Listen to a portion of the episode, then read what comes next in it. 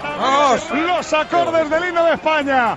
Policarpio, respire y dime lo primero que se te venga a la cabeza. Emoción. Una, dos y tres. Emoción, emoción, siempre emoción. Víctor Fernández, venga tu corazón que dice. ¡Viva, viva España!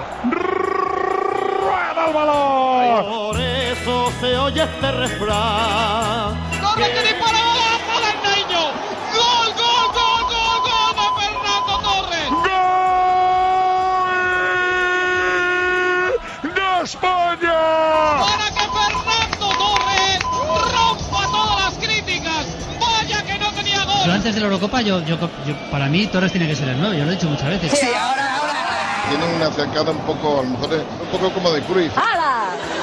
Pelota para Silva, uno que acaba de hacer Silva. Chuta Silva. ¡Gol! ¡Pero qué golazo acaba de meter este hombre! ¡Viva la madre que te parió Silva! Fiesta, nuestra fiesta nacional. ¡Vamos para el tercero! ¡Fernando!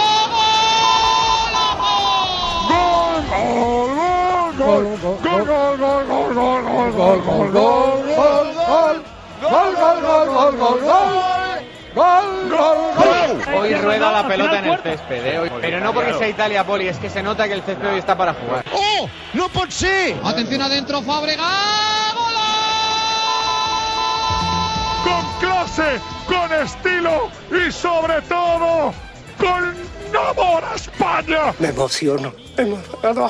Mira. Qué bien va jugar con un delantero centro. Mucho mérito tiene del Bosque. Sabe mucho de fútbol. Estamos cerquita ya de, de esa final que esperamos. Qué diu ara, què diu? Mare de Déu. Selección campeona del mundo, lo recuerdo, campeona del mundo. Dejemos a don Vicente alinear que él sabe de esto.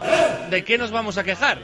Italia celebró el empate con España porque ahora somos nosotros los que mandamos. Porque saben que están debajo. Somos los números uno nosotros. Esto es España caracoleando en baldosas y al que no le guste, que se haga hinchada de Irlanda. La selección hoy se parecía más al juego del Madrid que al del Barça. Ahora Jean Muri. España es la mejor. Cuidadito, eh. Si palmamos con Croacia, vamos a la calle, eh.